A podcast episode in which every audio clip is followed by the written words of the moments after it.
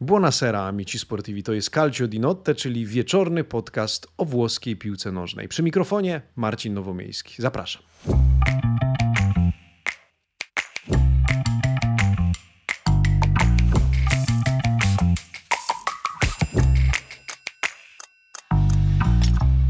No to dobry wieczór to trochę może z rozpędu, trochę na wyrost, bo jak już pewnie wiecie, nie dla wszystkich ten wieczór jest taki do końca dobry, ale o tym za chwilę.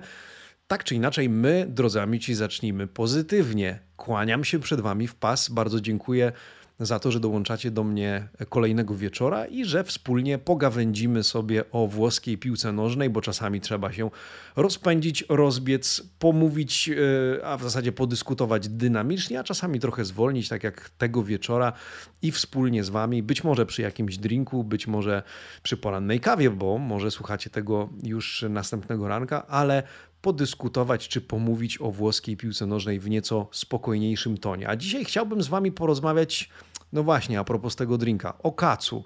O Kacu po debiucie Luciano Spallettiego w roli selekcjonera kadry i musicie wiedzieć w ogóle, że dzisiaj skupimy się na reprezentacji, na kadrze. Przede wszystkim, chociaż dla wszystkich, czy wszystkim, którzy zastanawiają się, czy już poruszę temat bomby, która gruchnęła niczym grom z jasnego nieba tego wieczora, to znaczy Paul Pogba i wyniki testu antydopingowego, uspokajam, tak? Poruszę nie uciekam od tego tematu, a skoro temat trafił na tapet i w ogóle na, do nagłówków e, ostatnich newsów, czy newsów z ostatnich godzin, to jak żeby inaczej. Tak czy inaczej, dzisiaj przede wszystkim o kadrze, o reprezentacji. Mam też w zanadrzu ciekawą historię z tym związaną. E, I tak zdradzając Wam e, trochę kulisy, jestem właśnie ubrany w trykot, no nie reprezentacji, w trykot z napisem Italia. E, taki bardzo retro, e, z totalnie nieprzepuszczającego powietrza materiału, który kiedyś udało mi się lata temu, już nawet nie pamiętam, kilkanaście lat temu bodajże, upolować gdzieś na Allegro czy innym e, eBayu. Nie no, wtedy w Polsce kupowałem, więc to musiało być jakieś Allegro. Pamiętam, zapłaciłem za nią 5 zł. Jest absolutnie niepraktyczna, bo czuję się w niej jak w jakimś foliowym kombinezonie, ale jest przecudowna. Jest jedną z moich ulubionych. E, duże hasło Italia, stary e, retro, e, no nawet nie herb, to logo Włoskiej Federacji Piłkarskiej. Na plecach duża dycha. Aj, co tu dużo mówić, takich już nie robią. W każdym razie, dzisiaj właśnie w tym kontekście osadzam nasze spotkanie z włoską piłką nożną. Odpowiem też na jedno z pytań, które przysłaliście na skrzynkę Marcin Małpa amici.sportivi.com. I w ogóle tak zupełnie na marginesie, po ostatnim odcinku mam przemyślenie, że nasze spotkania, czy nasze moje nagrywki będą trwały nieco krócej niż ostatnio, bo później, kiedy tak się rozgadam, rozpędzę, to trudno mi naprawdę e, ogarnąć na czas publikację tych odcinków. To tak nawiązując do tego, oczywiście jesteśmy w fazie prób, testów, wspólnego poszukiwania optymalnego kształtu tego formatu, więc e, ja też próbuję jeszcze rozsiąść się w tym miejscu tak, żeby było i mnie wygodnie, i żeby dla Was oczywiście starczyło tego głównego miejsca, żeby dawać Wam to, czego Wy byście też słuchali. Więc szlifujemy, aczkolwiek wierzę, że w ten sposób możemy sobie co tydzień porozmawiać o Calcio. No a Calcio na razie, przynajmniej w wykonaniu czy w otoczeniu Pola Pogby, bo od niego chciałbym zacząć, nie wygląda zbyt dobrze. W ogóle dzisiaj, powiem Wam, opowiadałem w domu tę historię. Gdyby opowiedzieć, wyobraźcie to sobie, gdyby chcieć opowiedzieć o Polu Pogbie, o jego historii, zaczynając od momentu, kiedy Juventus wykupił go z Manchesteru United, a w zasadzie zakontraktował, opłacając tylko ekwiwalent za jego wyszkolenie, tam powiedzielibyśmy grosze, chociaż tam niecałe milion euro, no to duże pieniądze, ale w, oczywiście w świecie piłkarskim znaczące tyle co i nic. I później te całe perypetie z rozwojem Francuza, z tym jak wrócił do Manchesteru, niesmak kibiców Juventusu, kiedy Odbyło się to pod hasłem Pogback, e, to ten powrót do domu, no przecież to Juventus w niego uwierzył. Znacie tę historię Francuza. Później okazało się, że jednak w Turynie był bardziej kochany, problemy z kontuzjami. I ten powrót do Juve, wielkie nadzieje, ale totalny niewypał pod względem oczywiście wkładu Pogby, wkładu piłkarskiego, bo obciążenie na budżecie niebywałe, a tutaj na boisku tyle co kot napłakał, w zasadzie nie było tego zawodnika w zeszłym sezonie. No i kontuzja za kontuzją, już nawet szkoda, powiem wam, było mi go po ludzku, mimo że no może jako kibic, nawet, nawet ta sytuacja mnie nie irytowała, ona była absurdalna, wręcz surrealistyczna, że gość wrócił, pobiera pensję, ileż to było dyskusji we włoskiej prasie o tym, że powinno to zostać jakoś, jakoś zrewidowane, że, że powinna zostać podpisana z nim nowa umowa, biorąc pod uwagę to, że w ogóle nie wnosi nic, co przekładałoby się na E, wyniki sportowe Juventusu. No i później powrót, ale na chwilę, bo znowu uraz, on schodzi we łzach. To już po ludzku można było, coś mogło za, zakuć człowieka w środku, nawet jeżeli e, przesadnie się Francuza e, nie lubiło. No bo takie historie, tak samo jak Paulo Dybala, no zawodnicy, zawodnicy, którzy są bardziej kruchym tworzywem pod tym względem. Jedni mogą śmieszyć może gdzieś tam z te, z taki, w taki ironiczny sposób, ale z ludzkiego punktu widzenia to naprawdę jest dramat i wierzę, że dla Pogby to może być dramat. No i Pogba wraca na nowy sezon, zaczyna go z drużyną Juventusu. Udinese Juventus nawet nie gra w tym meczu. Później łapie E, ile to e, Sport Mediaset wyliczył 52 e, minuty w meczach z Bolonią i Empoli w sumie. Później znowu kontuzja w starciu z Toskańczykami, która wszyscy się obawiali, że znowu to będzie coś poważnego. Okazało się, że na szczęście nie. Pogba szykowany na powrót, na, na kolejny mecz, na mecz z Lazio. No i co? Jebudu, jak grom z jasnego nieba. Pogba dostaje pozytywny wynik testu antydopingowego. No, to brzmi jak jakiś totalny absurd, słuchajcie. To brzmi jak jakaś historia, która przecież nie może być prawdziwa, ale faktycznie prawdziwa jest. Więc e, informacje podały włoskie media, Sport Mediaset przede wszystkim. No i co się wydarzyło? Wiecie, jak wyglądają testy, czy, słyszeliście, czytaliście te, te rutynowe kontrole antydopingowe. Kończy się mecz, e, losowo wybrany piłkarz brany jest na bok, proszony o oddanie próbki, no i ona jest badana pod kątem dopingu, czy pod kątem obecności niedozwolonych substancji. I co się okazuje? Po meczu Udinese-Juventus kontrola 20 sierpnia Paul Pogba okazuje się wpada, ponieważ wykryto w jego próbce, w jego organizmie testosteron. I jakkolwiek to brzmi, no to faktycznie w tym momencie Francuz mierzy się z kolejnym koszmarem w swojej karierze piłkarskiej. Bo teraz, co tak szybko, powiedzmy, dotykając ten temat, bo nie to jest meritum tego odcinka, co może zrobić? Ma trzy dni na to, żeby odwołać się i żeby zażądać ponownej analizy tejże próbki, co z pewnością zrobi. No, tutaj nie ma innej opcji. Jeżeli okaże się, że mm, no, mieliśmy ostatnio przypadek Palomino z Atalanty. Został uniewinniony, ale dopiero po jakichś około czterech miesiącach, więc stracił mundial, stracił ten czas. No i w porządku, wyszedł na prostą. Natomiast Pogba jeżeli nawet zostanie uniewinniony, to też straci jakiś czas. W tym momencie zostaje zawieszony, Włosi określają to e, sospezo in via cautelare, czyli tak na wszelki wypadek, e, zapobiegawczo powiedzielibyśmy w Polsce. No i później ta ponowna kontrola, wynik, jeżeli zostanie uniewinniony, to straci tylko i aż czas, ale jeżeli kontrola potwierdzi obecność testosteronu, tych niedozwolonych elementów w jego, w jego organizmie, no to ryzykuje zawieszeniem i w zasadzie zostanie praktycznie na pewno zawieszony na dwa lata. Jeżeli okaże się, że wziął, czy udowodnione mu zostanie, bo przecież stanie przed sądem antydopingowym, że zażył te, te substancje celowo, że była tam intencja, to to zawieszenie będzie trwało nawet 4 lata. Więc to, co możemy na razie zrobić, to oczywiście czekać na rozwój wypadków, ale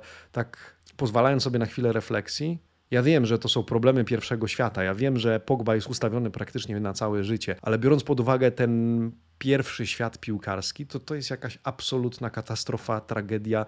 No nie wiem, o tym można by i pewnie napisze się niejedną książkę jako, a przynajmniej nie jeden rozdział w niejednej książce o takim no, fatalnym losie zawodnika i fatalnym rozwoju jego kariery piłkarskiej, aczkolwiek przeplatanym z oczywiście genialnymi sezonami, genialnymi latami, których e, Pogbie nikt nie odbierze. No ale ostatnie dni, już nie mówiąc nawet o kontekście dotyczącym samego Juventusu, to jest jakieś nieporozumienie co najmniej. Nieporozumienie, chichot losu to nawet nie jest absolutny koszmar, inkubo, jak mawiają Włosi, więc no zobaczymy. Zobaczymy, jak to się wszystko rozstrzygnie. E, ale inkubo, tak nawiązując e, do głównego wątka, czy wątku tematu tego odcinka, e, to dla Włochów również Macedonia Północna. Porozmawiajmy więc o tym, co wydarzyło się ostatnimi dniami.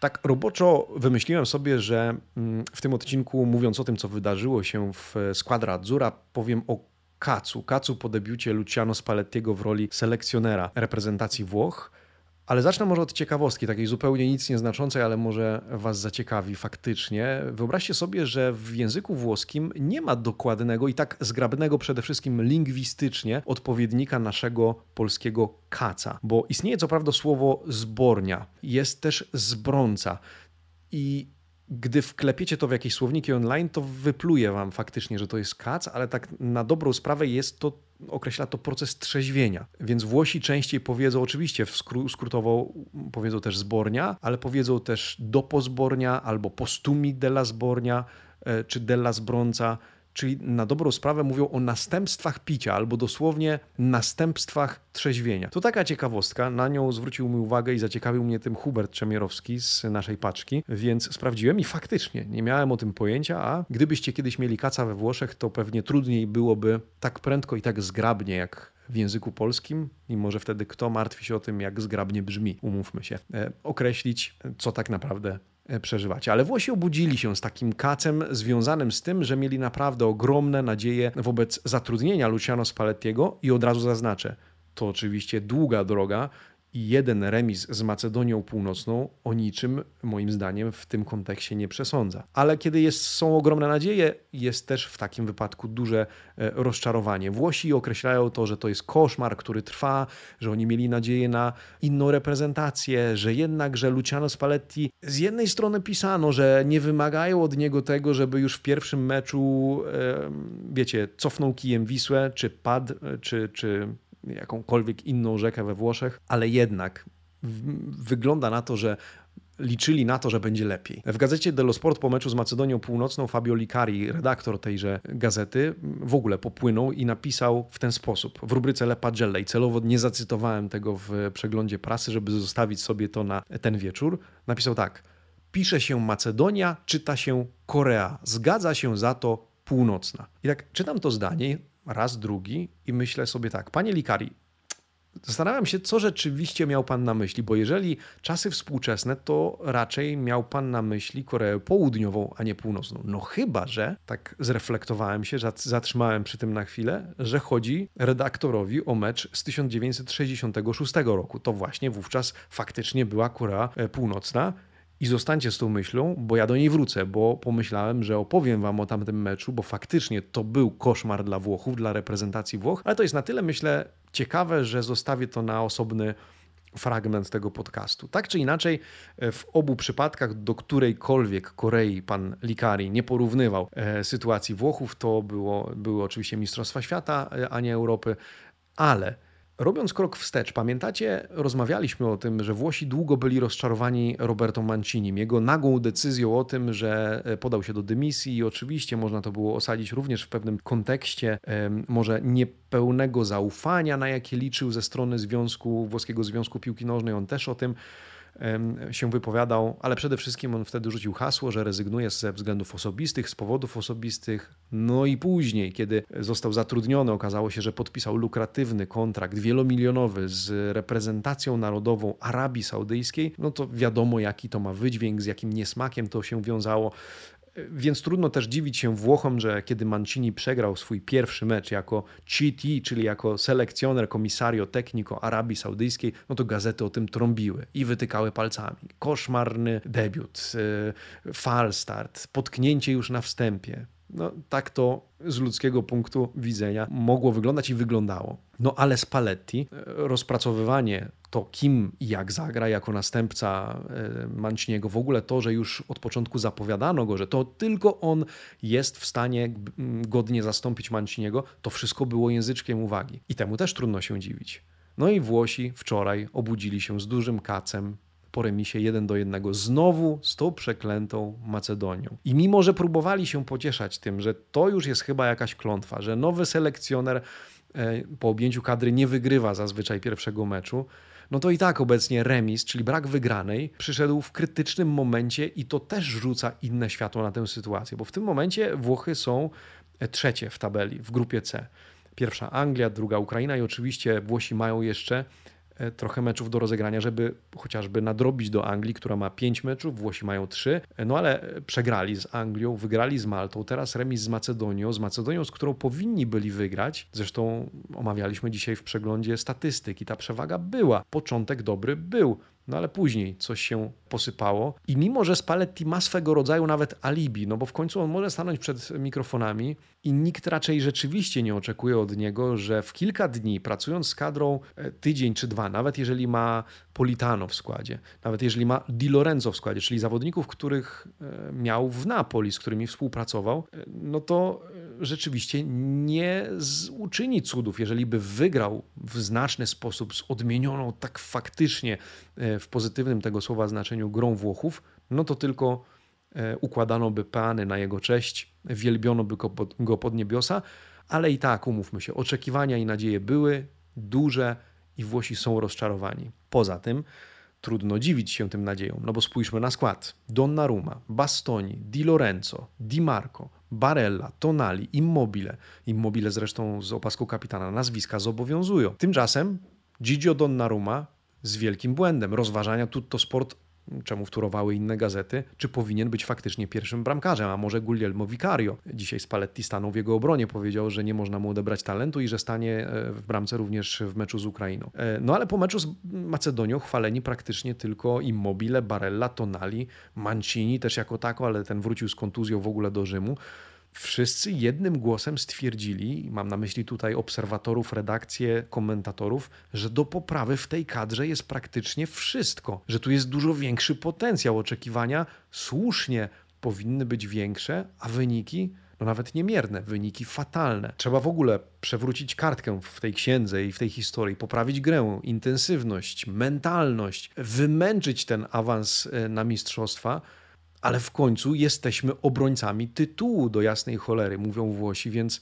o czym tu w ogóle te rozważania i o czym w ogóle mowa. W jednym z felietonów, który przeczytałem po tym meczu, e, redaktor gazety Dello Sport Andrea Di Caro stwierdził, że Rzeczywiście, nikt nie oczekiwał po Spallettim cudów, sztuczek taktycznych, rewolucji, ale jakiejś przyzwoitej poprawy tego, co do tej pory. No i tymczasem, co oglądaliśmy? Dobrze zapowiadający się zryw, ale później chaos, brak pomysłu, e, bicie głową w macedoński mur i nic poza tym. Pozwólcie w ogóle, że ponieważ przygotowałem, zacytuję Wam fragment tego artykułu, jako że oddaje taką włoską perspektywę, e, żywcem z Półwyspu Apenińskiego.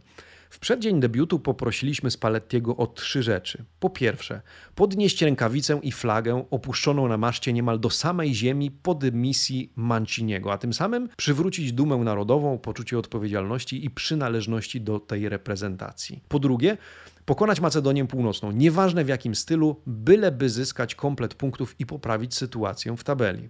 Po trzecie, awansować na Mistrzostwa Europy grając nowoczesny futbol, ofensywny i miły dla oka, który przecież Spalletti zawsze zapewniał w roli trenera klubów, z którymi pracował. Dzisiaj wiemy, że pierwszy cel został osiągnięty, drugi zupełnie nie, a o trzeci trzeba wciąż zawalczyć z zakasanymi rękawami i zaciśniętymi zębami. No i taka jest perspektywa Włochów. Oni nie, oczekali, nie oczekiwali faktycznie stylu, czy nie wiadomo jakiej tiki-taki po włosku, oczekiwali wyniku i poprawy. I na razie maksymalnie o czym możemy mówić, to o przebłyskach i o jakiejś nadziei na przyszłość.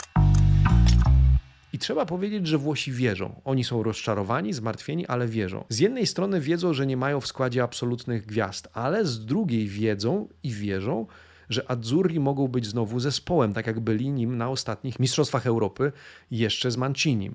Nie ma już e, Marco Verrattiego, nie ma Jorginho, ale są Barella i Tonali, no jest kim grać. Nie ma, kontuzjowanej, e, nie ma kontuzjowanych Kiezy i Pellegriniego, to też istotne, oczywiście o tym trzeba pamiętać, ale oni wrócą. E, zresztą ostatnie doniesienia dotyczące Kiezy mówią o tym, że tam nic poważnego i niedługo będzie dobrze. No i teraz co się dzieje? Teraz oczywiście wszystkie oczy zwrócone na e, San Siro, czy w zasadzie na stadion Giuseppe Mazza w dzielnicy San Siro, no bo tam jutro Italia zmierzy się z Ukrainą, która przecież zatrzymała ostatnio Anglię i przerwała jej zwycięski, triumfalny wręcz pochód e, w tej grupie. E, Włosi opisują Ukrainę jako, co ciekawe, ukraiński ruch oporu. E, tak barwnie określają tę reprezentację. E, ruch oporu, który pomimo trudnej sytuacji w kraju oczywiście stał się jeszcze mocniejszy, również piłkarsko, ale co ciekawe, i to też zaczepiliśmy dzisiaj rano, Włosi już przygotowują się psychicznie i emocjonalnie na baraże, w których mogą zmierzyć się między innymi z reprezentacją Polski, jeśli ta będzie musiała w nich zagrać, bo Włosi najpierw zmierzą się z Estonią, Polacy, to znaczy inaczej, Włosi najpierw zmierzyliby się z Estonią, jeżeli bierzemy stan na tu i teraz i prawdopodobny mimo wszystko scenariusz. Włosi kontra Estonia, e, no i wówczas Polacy kontra Walia i zwycięzcy tych par grają ze sobą o awans na Mistrzostwa Europy, więc to może być jeszcze bardzo ciekawy scenariusz, który będziemy, a w zasadzie film na podstawie którego będziemy oglądali. Zobaczymy jak nam selekcjonerzy go wyreżyserują we współpracy oczywiście ze swoimi piłkarzami. Czy ja wierzę w zwycięstwo Włochów? Powiem wam tak, myślę, że mimo wszystko ten początek sobotniego meczu pokazał, że coś w kadrze Italii jeszcze się tli, jeszcze tętni i jeszcze żyje. I może jestem niepoprawnym optymistą, może powinienem stanąć wśród tych, którzy właśnie piszą artykuły mówiące o tym, lepiej przygotować się na najgorsze, piszą o trzeciej apokalipsie, bo tak przecież dzisiaj pisała gazeta, piszą o tym, że trzeba stąpać twardo po ziemi. Tyle, że ja wierzę, że będzie dobrze, choć ten mecz jutrzejszy będzie absolutnie arcytrudny. Z taką Ukrainą będzie arcytrudny dla Włochów i powiedzmy to sobie jasno, wyraźnie i, i, otwarcie, głośno. Z drugiej strony, czy z jeszcze innej strony, opaska na ramieniu Immobile wygląda dobrze i on też widać, że przejmuje się rolą. E, oczywiście telewizja czy kamery telewizyjne wychwyciły jego łzy gdzieś tam po tym, jak e, Italia straciła bramkę i zremisowała, nie dała rady wygrać e, i rozczarowała rodaków, więc jeżeli tę mentalność Włosi utrzymają i będą pracować nad tym wszystkim, ale tak szczerze pracować, bez cwaniaczenia, bez jakichś jakiegoś takiego piłkarskiego bumelowania i, i wmawiania wszystkim, że jest, jest lepiej. Jeżeli taktyka i zmiany Spallettiego zdadzą egzamin, a on przecież też jest poukładanym facetem i jest e, fachowcem e, czy, czy ekspertem w swoim fachu, Przypomnijmy, jutro ma podobno zagrać Scalvini, ma zagrać Locatelli, kto wie, czy nie zagra Raspadori.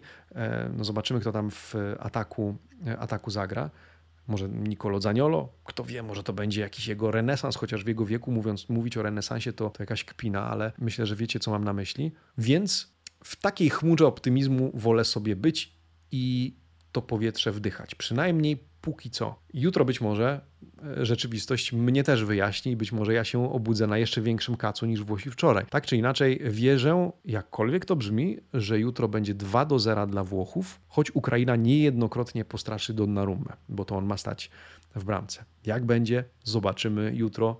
Usiądziemy wygodnie przed telewizorami, choć pewnie spinka jakaś wśród fanów Calcio będzie. Natomiast e, to, co wspomniałem, to o czym wspomniałem, Fabio Licari, redaktor gazety Dello Sport, zainspirował mnie do tego, żeby pokopać coś w temacie starcia Włochów z Koreą Północną. Bo dzwoniło mi, że w 66 roku, czy w latach 60, w 60 na Mundialu był taki mecz, w ogóle na początku myślałem, że chodzi mu o południową i być może chodzi i pomylił faktycznie i właśnie, że popełnił błąd, ale pomyślałem, okej, okay, Odkopię tam tą historię, bo pewnie niektórzy z Was ją znają, albo niektórzy z Was wiedzieli, czy wiedzą, że Włosi przegrali w tamtych latach z Koreą Północną i to, było, to była istotna katastrofa. E, natomiast e, kontekst i w ogóle rozwój tej historii i tamten mecz, myślę, jest na tyle interesujący, że możemy go wziąć e, na tapet w dzisiejszym Calcio di Notte. W zasadzie, gdyby chcieć to ująć Krótko i zwięźle to jest to historia o tym, jak totalni amatorzy wyeliminowali z mundialów Anglii jedną z ówcześnie najlepszych drużyn. Nie najlepszą, ale jedną z najlepszych. I dla jasności, amatorzy to oczywiście Koreańczycy, a ci lepsi to to Włosi. Ale pozwólcie, że zabiorę Was do 1966 roku. Być może niektórzy z Waszych rodziców wtedy dopiero przychodzili na świat, ale lata 60. czy połowa lat 60. była to ósma edycja turnieju Mistrzostw Świata. Włosi, tak jak mówię, nie byli najmocniejsi, bo na pewno byli słabsi od Brazylii, byli słabsi od Anglii czy Niemiec, ale byli jedną z czołowych jednak reprezentacji czy kadr tamtych lat. Mieli w składzie e, ciekawych zawodników, najgłośniej pewnie e, zadźwięczą Wam nazwiska Giacinto Facchettiego, a być może też Giacomo Bulgarellego, Gianniego Rivery, Sandro Mazzoli. No nie było źle. E, trenował ich selekcjoner o nazwisku Fabri, Edmondo Fabri, on z kolei, gdyby jemu zajrzeć e, w CV, to oprócz przyzwoitej kariery piłkarskiej, no, mógł się pochwalić między innymi tym, że doprowadził Mantowę z Serie D do Serie A. A dzisiaj chwalimy tych trenerów, którzy potrafią rokrocznie czy na przestrzeni kilku lat doprowadzić kluby, które, które prowadzą mm, z niższych lig czy z niższego pułapu aż do tego najwyższego. Włosi nie wygrywali jako drużyna mundialu od 1938 roku. Wówczas to triumfowali we Francji, a przypomnijmy, mamy 66 rok, więc za chwilę 30-lecie ostatniego e, sukcesu Włochów na, na mundialu. No więc to Włosi, to Azzurri. Koreańczyków tymczasem totalnie nikt nie znał. Byli absolutnymi amatorami, do tego jedyną azjatycką drużyną, która wzięła udział w mundialu. Według relacji różnych, które można przeczytać na temat tamtego spotkania, byli najsłabszą ekipą na tamtych mistrzostwach, więc chłopaki do bicia. Co więcej, mało brakowało, a w ogóle by nie zagrali na tamtym mundialu, z uwagi na to, że i tutaj odwołam się do historii, której nigdy nie byłem fanem, ale, ale chyba trzeba tutaj o tym wspomnieć, bo to istotne. Z uwagi na wydarzenia wojny koreańskiej z początku lat 50., rozważano wręcz, żeby Korea Południowa dostała szlaban na wjazd do Anglii, a w Anglii mundial się wówczas odbywał. Ostatecznie ich wpuszczono, ale co ciekawe, żeby nie ryzykować incydentów e, dyplomatycznych, to w tamtej edycji Mistrzostw Świata zdecydowano, że nie będą odtwarzane przed meczami hymny narodowe, bo Anglia nie uznała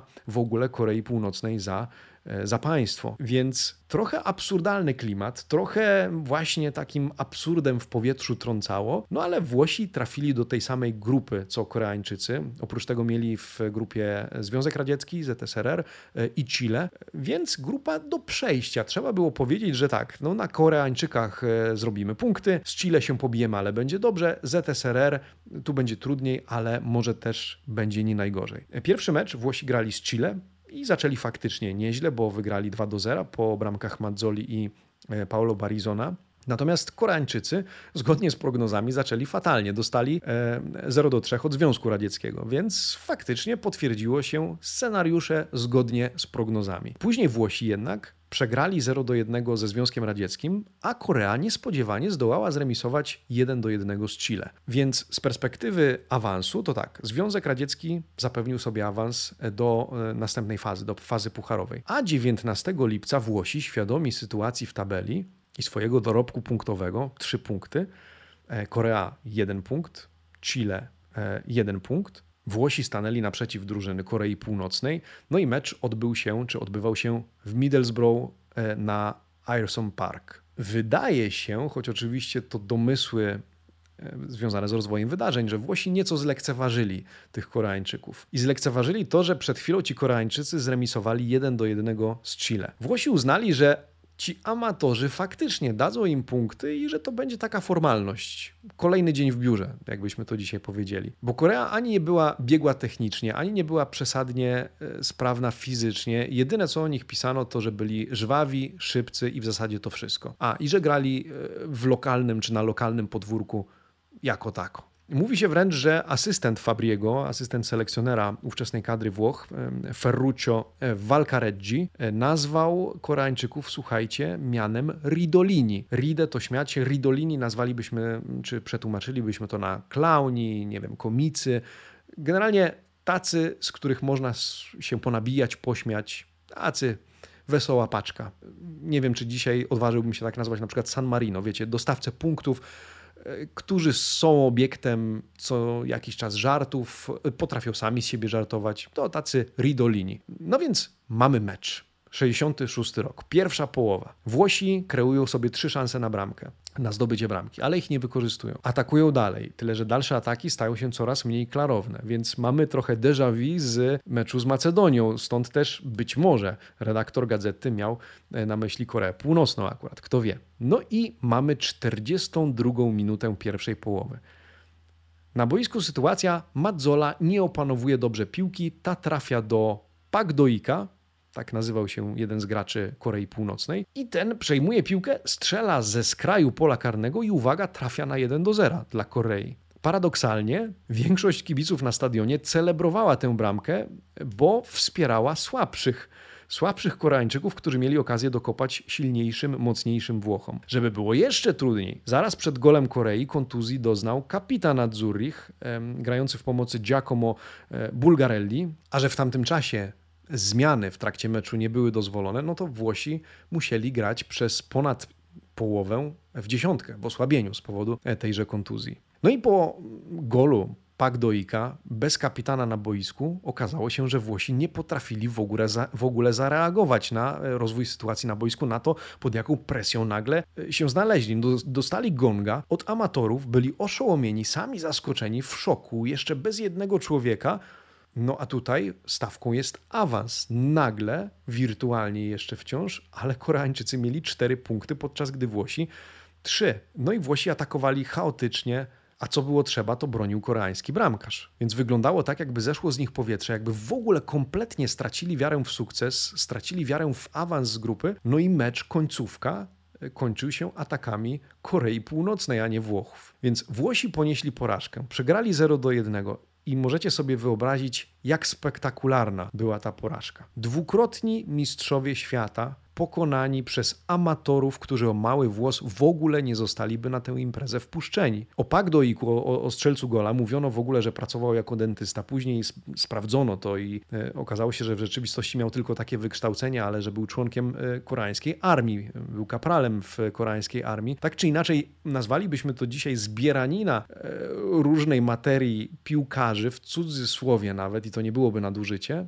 i pokonują dwukrotnych mistrzów świata. Ku uciesze większości fanów zebranych na stadionie w Anglii. Kadra Zurich wyjechała z Anglii kilka dni po tej porażce. Pamiętacie, 19 lipca samolot z drużyną i sztabem na pokładzie wylądował w Genui w nocy 24 lipca, więc, więc 5 dni po meczu i na reprezentację Włoch czekały na miejscu setki kibiców. Ale bynajmniej nie z kwiatami. Słuchajcie, okazuje się, że gdy tylko zobaczyli piłkarzy, zaczęli rzucać w nich warzywami. Przywieźli warzywa e, na lotnisko e, do Genui i po prostu swoich rodaków, reprezentantów ich kraju obrzucili tymi warzywami. No, pewnie mieli takie poczucie, że tylko tych warzyw e, było żal. No a Korea Północna, co ciekawe, dotarła wówczas aż do ćwierćfinału, jako pierwsza w historii drużyna azjatycka, no i tam dopiero przegrała z Portugalią, Eusebio zresztą 3 do 5. No i tak właśnie ta historia się przedstawia i zastanawiam się, czy wobec tego o ten właśnie mecz chodziło Fabio Licariemu, kiedy porównywał Macedonię Północną do Korei, czy też o Mundial z 2002 roku i pomylił Koreę Południową e, z Północną. Ciekawy jestem, w ogóle zastanawiam się, e, co, co wy o tym sądzicie i jak, jak um, podobała wam się ta historia. Tak czy inaczej, jeśli Włosi by tym razem nie zdołali awansować na Mistrzostwa Europy, no to Macedonia Północna była już naprawdę ochrzczona mianem wiecznego kata Zurich. Ona już jest tą bestią Nerą. Bestia Nera, pamiętacie to określenie, którego Włosi używają w kontekście takiego, takiej zmory. Jeżeli ktoś jest czyjąś zmorą, to może być zawodnik, to może być zespół dla swojego rywala, no to nazwany jest właśnie mianem Bestia Nera. A może to już jest teraz, może to już teraz Macedonię tak trzeba nazwać. Na razie Włosi nazywają ją koszmarem i, i to powtórką z rozrywki wątpliwej jakości, wątpliwej przyjemności rozrywki, którą musieli E, musieli zaliczyć. No cóż, trzymamy kciuki, ja też trzymam kciuki, żeby jednak podopiecznym Spallettiego się powiodło, no i żeby dali fanom Calcio jeszcze sporo e, dobrych emocji. E, zresztą sam Spalletti stawiał sobie to za punkt honoru, za jeden z celów, że tu trzeba przywrócić tę wiarę i entuzjazm w narodzie, więc wierzę, że to się stanie. Wierzę, że nie było lepszego kandydata ani w okolicy, ani poza okolicą. Może De Zerbi, ale Spalletti był tu i teraz e, i myślę, że był najciekawszą opcją, którą, po którą mógł sięgnąć Gabriele Gravina z włoskiej Federacji Piłkarskiej, więc wierzę, a jutro tę wiarę zweryfikuję, oglądając mecz Włochów z Ukrainą. Czas na domanda e risposta Amici Sportivi, czyli pytania i odpowiedzi, skrzynkę pytań, tak sobie roboczo też nazwałem tę rubrykę w podcaście Calcio di Notte, bo piszecie do mnie e, i bardzo za to dziękuję na Twitterze, e, ale też wysyłacie maile na małpa na Marcin Małpa, amicisportivi.com. Serdecznie do tego zapraszam. Jeżeli macie propozycję, jaki temat e, mógłbym poruszyć w naszym wieczornym podcaście, albo jesteście czegoś ciekawi i chcielibyście, żebym odpowiedział na jakieś pytanie, śmiało jestem do dyspozycji. Być może nie wszystkie będę w stanie poruszyć w trakcie e, podcastu, bo dostaję ich od Was naprawdę dużo, ale staram się odpisywać na e, wszystkie wiadomości. Więc słuchajcie, dostałem pytanie, które dostawałem po częstokroć, ale ym, myślę, że to też dobre miejsce, żeby na nie odpowiedzieć, a brzmi ono, to taki klasyk generalnie. Jak nauczyłem się języka włoskiego i jak to pomaga w pracy, przy okazji, czy wszyscy w Eleven Sports mówią po włosku. E, tego nie wiem, ale większość, jeśli nie wszyscy właśnie e, redaktorów, którzy zajmują się ligą włoską, mówi po włosku, rozumie na pewno włoski i dosyć sprawnie, jeśli nie bardzo sprawnie posługuje się tym językiem, to też pomaga, tak nawiązując do pytania, jak to pomaga w pracy, jeżeli jedziecie na on-site, jeżeli jedziecie, czy na on-site, czyli za on-site rozumiem na przykład studio ze stadionu we Włoszech, albo jakiś reportaż stamtąd, ale głównie chodzi, chodzi o jakieś studio, ale też komentarz ze stadionu, to, to bardzo się przydaje, kiedy z tamtejszymi Włochami, z ekipą techniczną trzeba się dogadać, a czasami trzeba ustawić głośność, czasami coś nie działa i trzeba gdzieś tam porozmawiać, a nie wszyscy Włosi, jak możecie się domyślać, bądź jak wręcz wiecie, mówią po angielsku albo rozumieją nawet angielski, zwłaszcza z ekip technicznych, z całą sympatią i pozdrowieniami dla nich, w takim stopniu, żeby móc się z nimi po angielsku e, dogadać. Jak nauczyłem się włoskiego? Zacznę przewrotnie nie uważam, żebym umiał włoski tak dobrze, jak chciałbym umieć.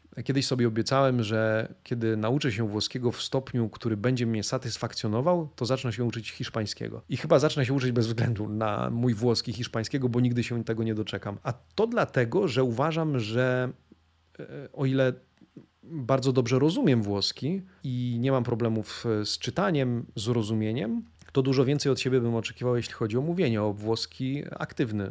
Bierny oczywiście mamy i aktywny, i ten, e, czy czynny w zasadzie, moglibyśmy tak to określić. I, i tego najbardziej mi brakuje. I, I o to mam, jeżeli o coś, to o to do siebie największe pretensje w tym kontekście. Natomiast jak nauczyłem się biernego, każdego zachęcam do tego, żeby zaczął, oczywiście patrząc na swoje preferencje, ale od tego, co lubi. A co ja lubiłem? Nie lubiłem systematycznego siedzenia, ślęczenia nad kursami. Nawet mam na swoim, na, na półce swojego regału, który widzicie podczas przeglądu prasy, dwie czy trzy książki z kursem języka włoskiego w 30 dni i tak dalej. I można by było powiedzieć, kurczę, 30 dni odfajkować, przemęczyć się. Rzecz w tym, że ja nie lubię się męczyć E, obszarze, który ma mi sprawiać przyjemność. Więc jak to u mnie się zaczęło?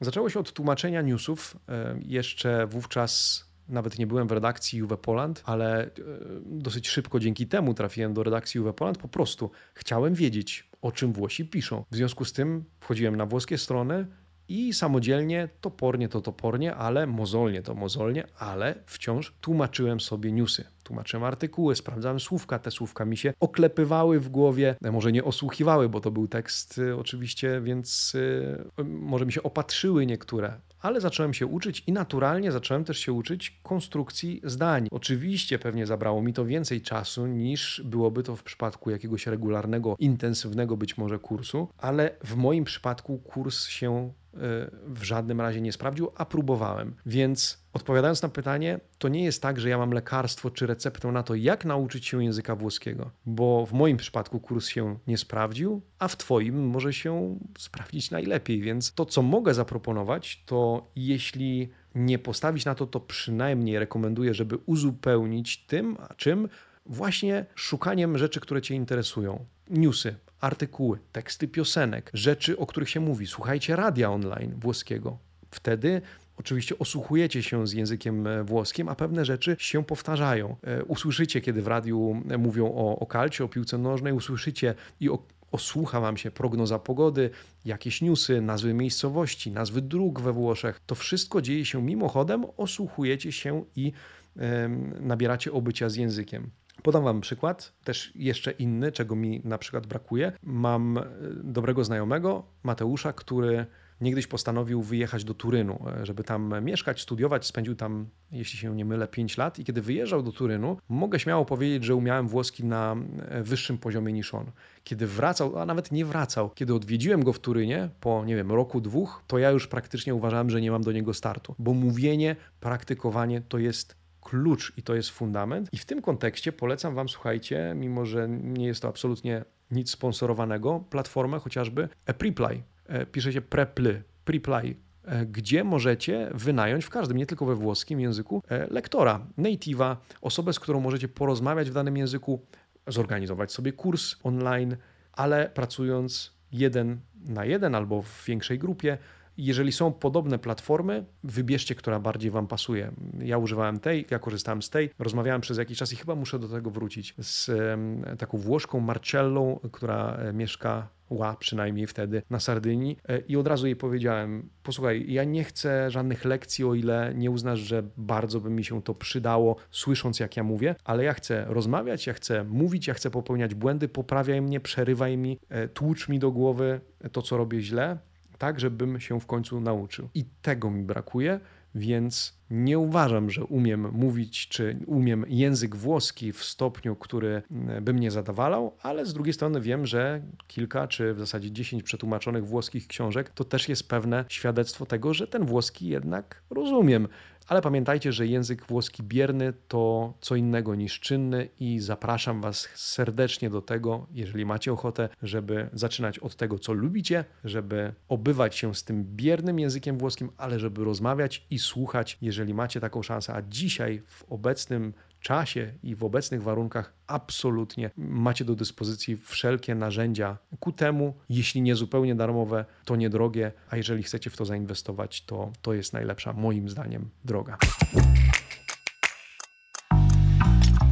Co dalej, drodzy amici, drodzy słuchacze? W najbliższą sobotę hity Serie A. Juventus Lazio, derby Mediolanu, na to nie trzeba chyba zapraszać, a mimo to zapraszam, bo od 14 mamy e, nadzieję zobaczyć się z wami, w zasadzie my was nie zobaczymy, ale wiemy, że tam jesteście i to jest super świadomość, e, spotkać się z wami w studiu przedmeczowym z pewnym co już zapowiadałem, twistem, z pewną nowością, z której myślę będziecie zadowoleni, więc zapraszam od 14 przed telewizory, przed ekrany. E, będziemy obecni przed meczem Juventus-Lazio. Porozmawiamy, pewnie temat Pola Pogby i dopingu też się pojawi. Reprezentacji Włoch, kto wie, e, jak zostaniemy poprowadzeni z Mateuszem Janiakiem. Natomiast później derby Mediolanu.